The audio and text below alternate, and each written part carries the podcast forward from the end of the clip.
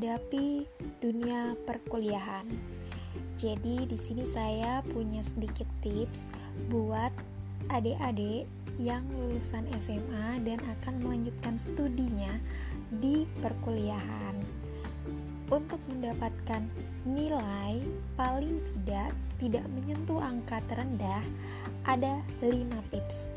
Yang pertama adalah selalu hadir di minimal setiap pertemuan masing-masing mata kuliah.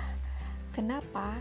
Karena paling enggak kalau misalnya kalian tidak bisa tidak bisa hadir, paling tidak kalian hanya tidak hadir dalam satu kali pertemuan. Kenapa?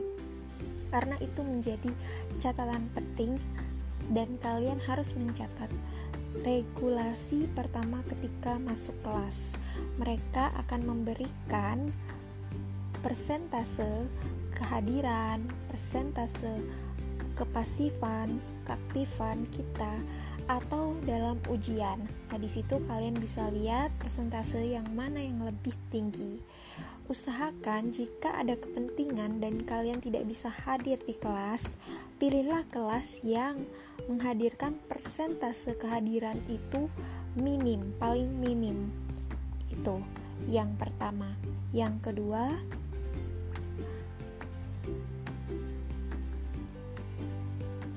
ketika uh, yang kedua adalah ketika mengikuti paling tidak satu organisasi di universitas kalian.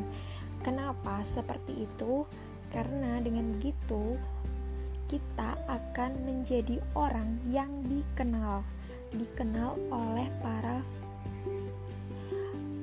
pengajar bahwa kita mukanya sudah familiar atau sudah terkenal. Jadi mereka tidak asing untuk memberi ketika memberikan penilaian terhadap kita. Yang ketiga, ketika ujian akhir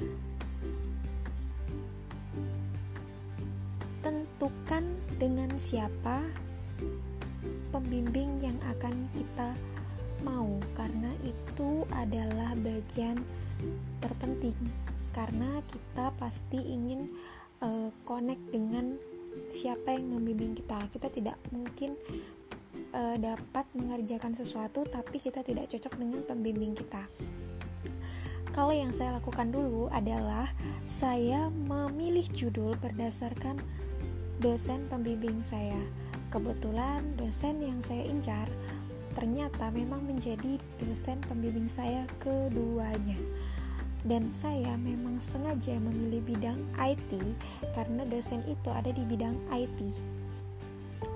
Yang keempat, pilih judul yang di masa depan kira-kira akan booming. Misal saja saat ini tentang mobil listrik. Pasti sekarang mobil listrik mungkin belum ada, tapi sudah mulai uh, ada booming-booming berita tentang mobil listrik itu bisa menjadi salah satu bagian dari judul. Terus, um, yang kelima, pastikan judul yang kita buat itu selesai atau tugas tugas akhir kita itu selesai. Tugas yang baik itu adalah tugas yang selesai. Sampai tiga kali saya mengutarakan itu dan untuk membuat itu selesai, otomatis kita harus memiliki literasi. Kita harus mengumpulkan literasi-literasi yang berkaitan dengan judul itu dan kita masukkan ke dalam tugas akhir kita yang tentunya bahasanya e, de, dengan bahasa kutipan tapi dengan bahasa yang telah kita ubah dengan bahasa kita sendiri. Itu tips yang keempat.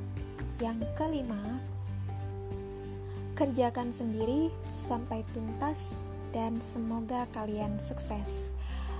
Saya ingatkan bahwa di perkuliahan itu yang terpenting adalah bagaimana membangun koneksi dengan sahabat kalian atau teman-teman kalian.